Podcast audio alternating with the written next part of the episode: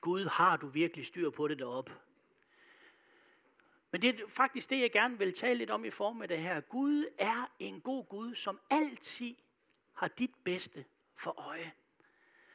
Og nogle gange, så kan vi komme til at tvivle på det. Når livet går ondt, når livet bliver vanskeligt, så kan vi komme i tvivl om Guds godhed. Men det er helt ok, og det er helt normalt. Sådan har det været alle dage, også for de første kristne.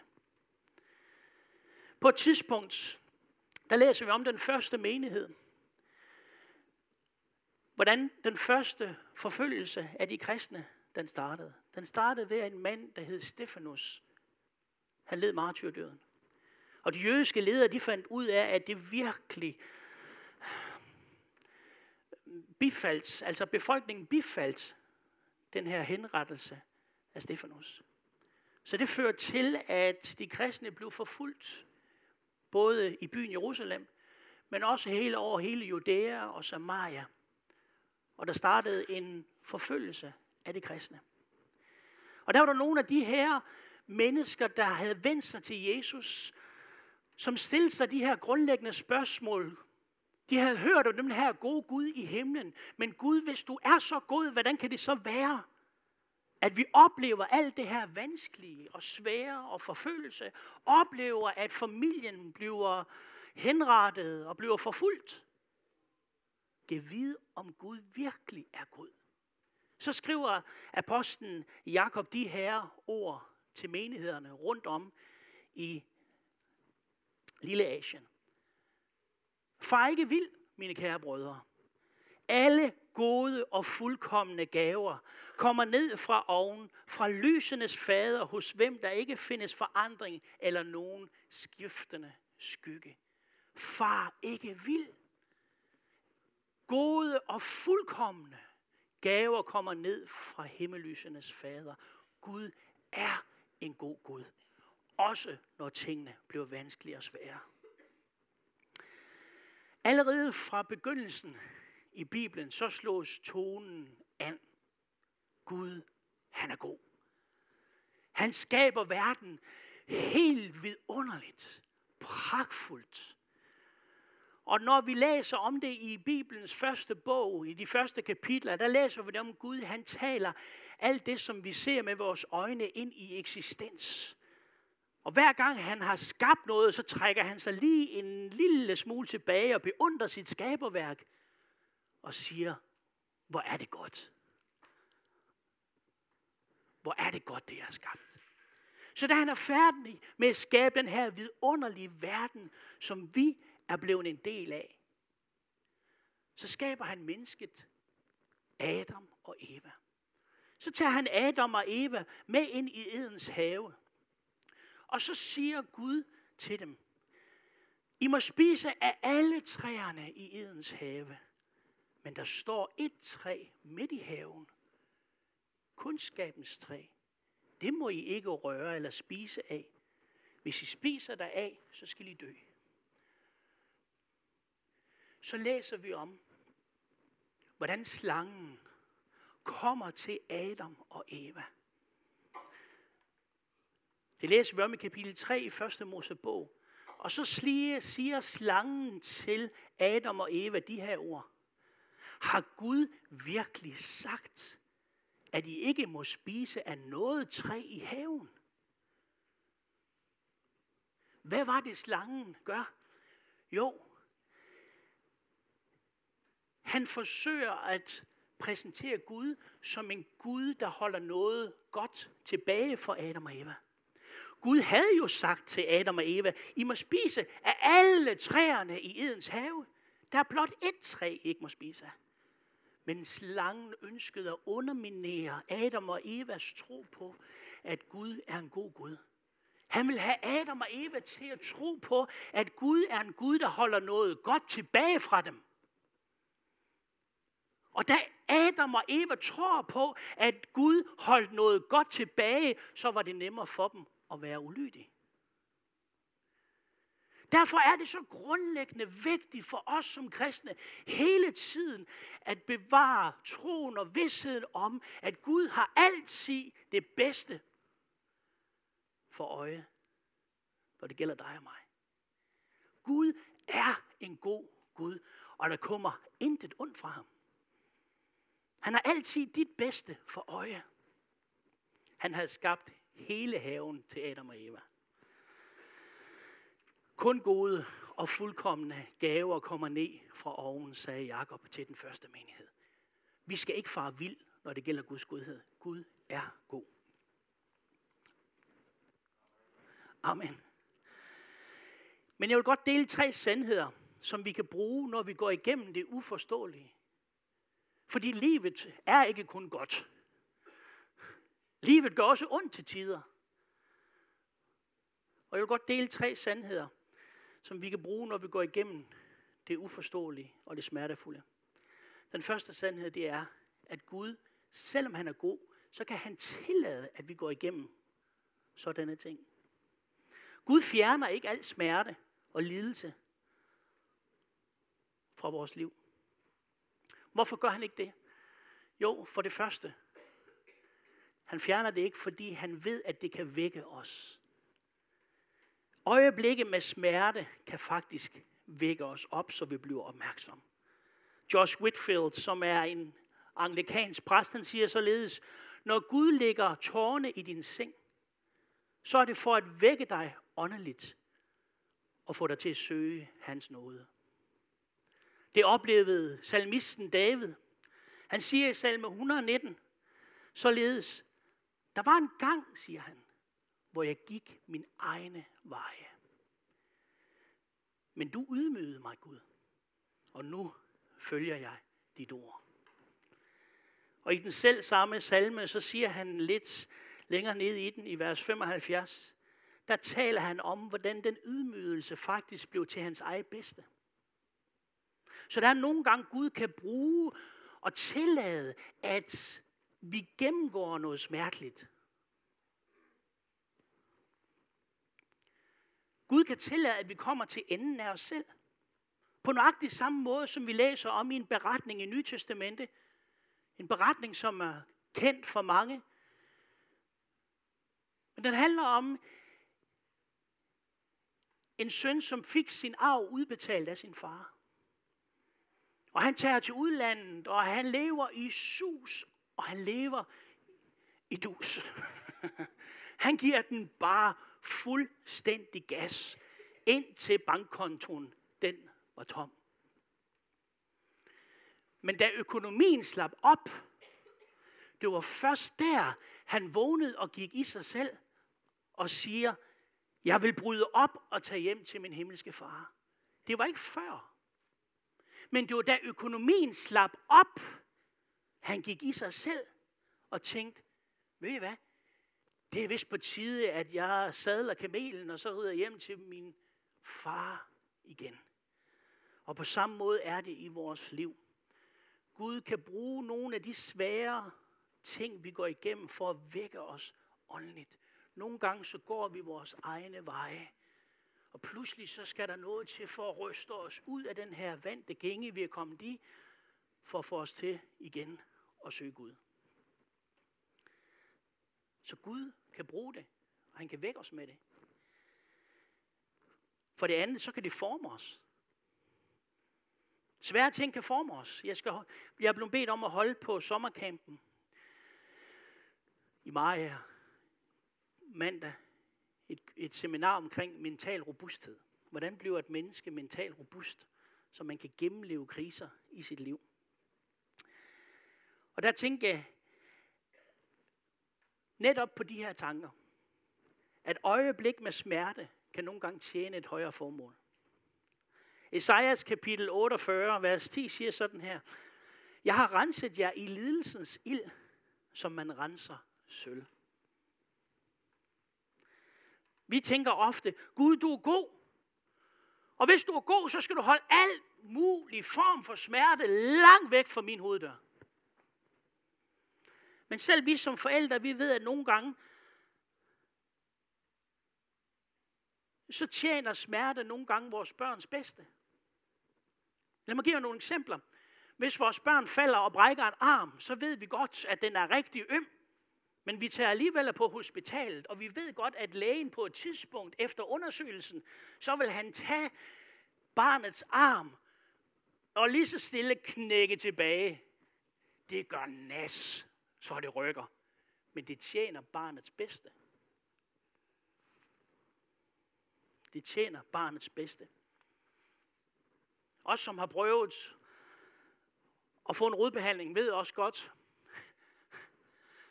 der er nogle smerter, man simpelthen skal gennemgå, men det er altså for mit eget bedste. Jeg skal bare lige over det her. Fordi det tandlægen gør nu her, det er for mit eget bedste. Jeg husker for år tilbage, jeg fik en rodbehandling. Det var den største form for tortur, jeg nogensinde har oplevet i mit eget liv. Det var simpelthen, og de renser de her kanaler. Har I prøvet det? Chok, man, det gjorde ondt. Og jeg var lige ved at blive ej.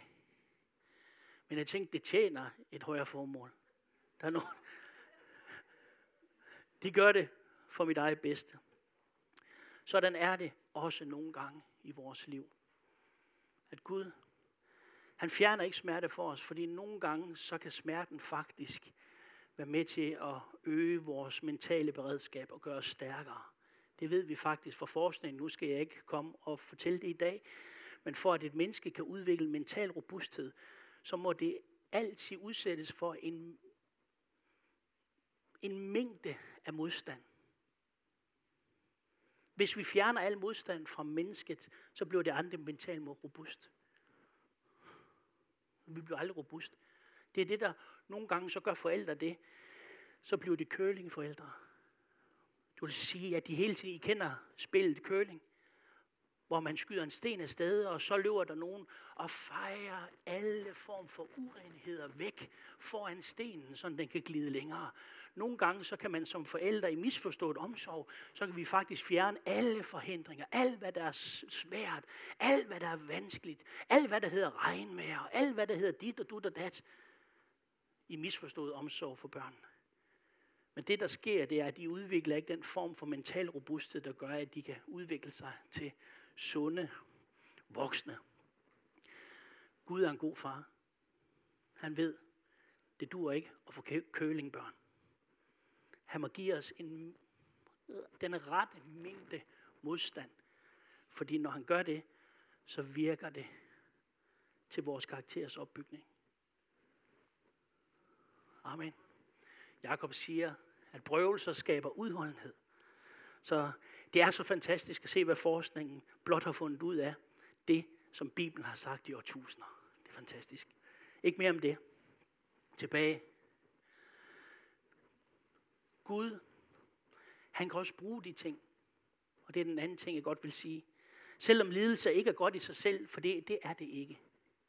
Så kan Gud bruge det, vi gennemlænder, eller det, som vi gennemlever, til at udrette noget godt med.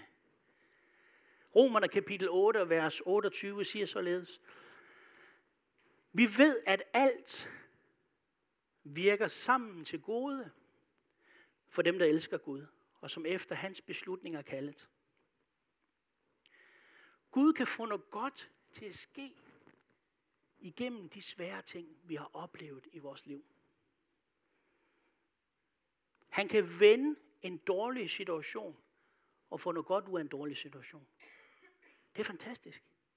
Og hvor mange sidder der ikke herinde, som har oplevet det på en eller anden måde i deres liv? At Gud tog noget i dit liv, som egentlig på det tidspunkt, det opleves, på det tidspunkt, det blev erfaret, der var det godt nok vanskeligt. Men som årene er gået, så er det pludselig blevet til en styrke i dit liv. Så Gud har altså vendt det svære til noget positivt, noget, der tjener dit bedste. Det er fordi Gud er en Gud, som er god og har altid dit bedste for øje. Der er nogle fantastiske eksempler i Bibelen på mennesker, som oplevede ting, som kunne være vanskelige. Jeg tænker på en mand, vi finder i første Mosebog. Josef hed han. Han gennemgik mange svære ting i sit liv. Lidelserne var mange. Han blev solgt til menneskehandlere. Han blev unfair behandlet af sin familie. Han blev stødt ud. Han blev uretfærdigt beskyldt for voldtægt.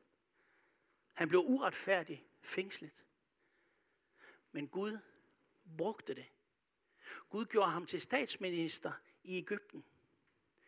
Og senere, så sker der det, at han bliver forenet med de brødre, som egentlig havde solgt ham til Ægypterne. Og så siger Josef i 1. Mosebog kapitel 50 og vers 20, der læser vi om det, han sagde til sine brødre, da han blev genforenet.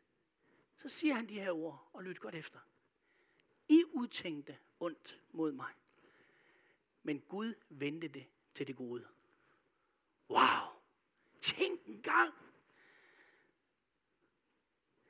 Gud både kan og han vil bruge alle de vanskeligheder, alle de ting, der har været svære i vores fortid, dem vil han faktisk vende til vores fordel. Det er da vist kun en god Gud, der kan det. Han formår lige præcis at finde ud af, hvordan det hele det kan blive til vores fordel. Gud har altid dit bedste for øje.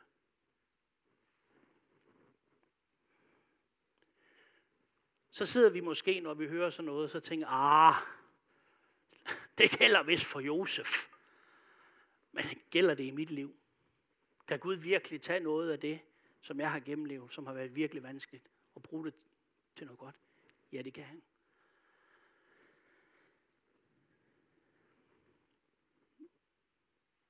Gud han tog faktisk det værste, der skete i Jesu liv, og vendte det til vores fordel. Det, som skete i Jesu liv, det brugte Gud, det svære han gennemgik på Golgata. Al den smerte, al den lidelse, det tillod Gud i himlen. Fordi der var et større mål med det. Og det mål var at føre os til retfærdighed. At vi kunne blive frelst. Så Gud tog altså den værst tænkelige situation i Jesu liv, og så vendte han den til den bedst tænkelige. Tænk engang, det er det, vi lige har fejret i nadvaren. Gud kan faktisk bruge det. De ting, der er svære og lidelsesfulde i vores liv. Gud, han er Gud. Amen. Det tredje, jeg godt vil sige her, det er, at Gud han afslutter det alt sammen. Det, der er svært. Når vi oplever ondt, og ting, der kan være vanskelige, så har vi som mennesker en indbygget tendens til at tro, at det hele, det var bare ved. Det bliver aldrig anderledes. Det er det, som Martin Siegelman han siger, det er tillært hjælpeløshed. at vi ender i det her. Vi tror simpelthen, at det, som vi går igennem, det er bare noget, der fortsætter og fortsætter og fortsætter og fortsætter. Jeg tænker på en mand, som hed Job i Gamle Testamente. Job, han gennemgik på samme måde, som Josef gik, oplevede rigtig mange lidelser. Han mistede sine børn. Han mistede sit gode helbred. Han mistede det meste af det, han ejede. Men Gud brugte det. Og det vi ofte overser, når vi læser Jobs bog, så var det, at hans lidelser var ikke permanente, men de var faktisk forbigående. Hans lidelser var forbigående. Der er nogle bibelfortolkere, der tolker kapitel 7 i Jobs bog, vers 3, at Job faktisk kun oplevede de lidelser, han gennemgik. Det var måneder, han oplevede dem. Det var ikke år.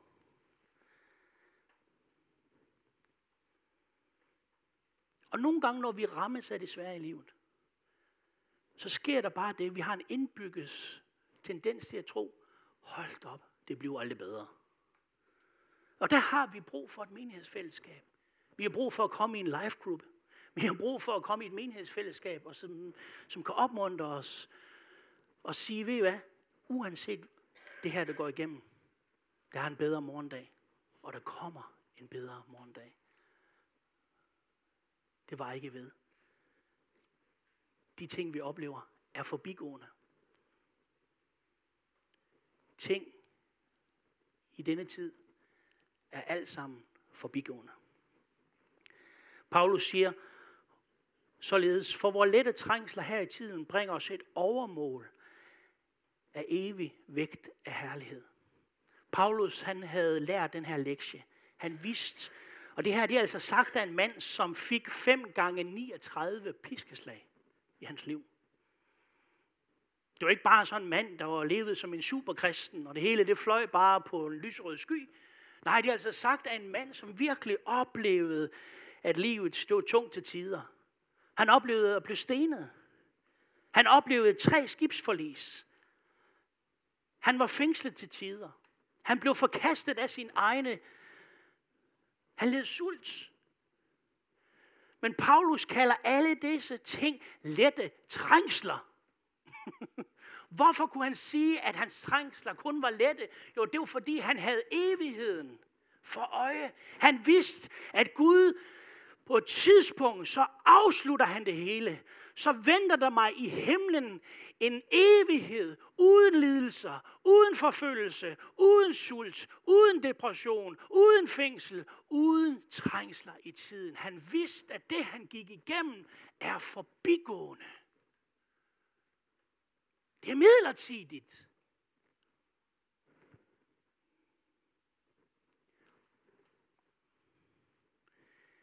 Jeg hørte om en dreng, som røg ind og ud af hospitaler i sin barndom. Han var lam, og da han var 17 år, så sad han i en kørestol. Med de her mange år ind og ud af hospitaler og undersøgelser, så sidder han der som lam. Og så siger han, Gud han er god. Så var det en, der spurgte ham, hvordan kan du sige det? Og dertil svarede drengen, når jeg kommer hjem til Gud, så kan jeg bruge hele evigheden til at løbe. Hele evigheden til at løbe. Han havde perspektivet. Han vidste, at de her trængsler, han oplevede, det var lettere trængsler her i tiden. Men der kommer en dag, hvor Gud siger, nu er der fyreaften. Så er det forbi. Og så bliver alting nyt. En himmel uden smerte, uden lidelser, intet ondt. Som Paulus han opsummerer himlen for os, han siger, hvad intet øre har hørt, hvad intet øje har set, det har Gud beredt til dig, som elsker Kristus. Vi ved endnu ikke. Vi har ikke været i himlen endnu. Men det billede, Bibelen giver af det, er, at det bliver en helt fantastisk verden, der venter os. Gud er en god Gud. Men nogle gange, så tillader han, at vi går igennem det smertelige. Og det vi går igennem, det kan Gud altid bruge til vores fordel. Men der kommer også en dag, hvor Gud han afslutter det. Derfor kan vi som kristne altid vide en ting, uanset hvordan vores liv former sig. Gud er god. Det startede, og Gud slog tonen an i første Mosebog, da han skaber alt og siger, det er godt. Og afslutningsvis, så bliver det også godt. Så jeg vil gerne opmuntre dig, der sidder her i formiddag, og gennemgår og har gennemgået svære og vanskelige ting i jeres liv. Jeg vil sige til dig i formiddag, Gud ser dig. Og Gud har ikke svigtet dig, og Gud har ikke forladt dig. Han har styr på situationen. Og han har dit bedste for øje. Og ja, det kan være vanskeligt lige i tiden mens det står på, at se perspektiverne. Men der kommer en dag, hvor du kan se over skulderen og sige, wow, Gud, hvor er du trofast. Og hvor er du god. Skal vi bede sammen? Himmelske Far, tak for din godhed. Som vi sang i lovsangen her tidligere. Gud, du er god. Tak fordi dine veje altid er perfekte. Selvom vi nogle gange er så fyldt med spørgsmål om, hvorfor skal dette dog ske? Fyld med spørgsmål om, hvad bliver der af gode ud af det her? Selvom vi er fyldt med spørgsmål, og vi ikke kan finde hoved eller hale i noget af det, så takker dig, fordi vi må få lov at hvile os i din godhed. I dine evige faderarme, som favner os og ser os.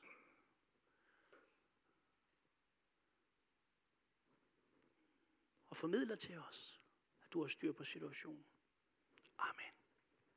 Amen. Hvis der er nogen her i formiddag, som har brug for forbøn, så vil der være mulighed for forbøn.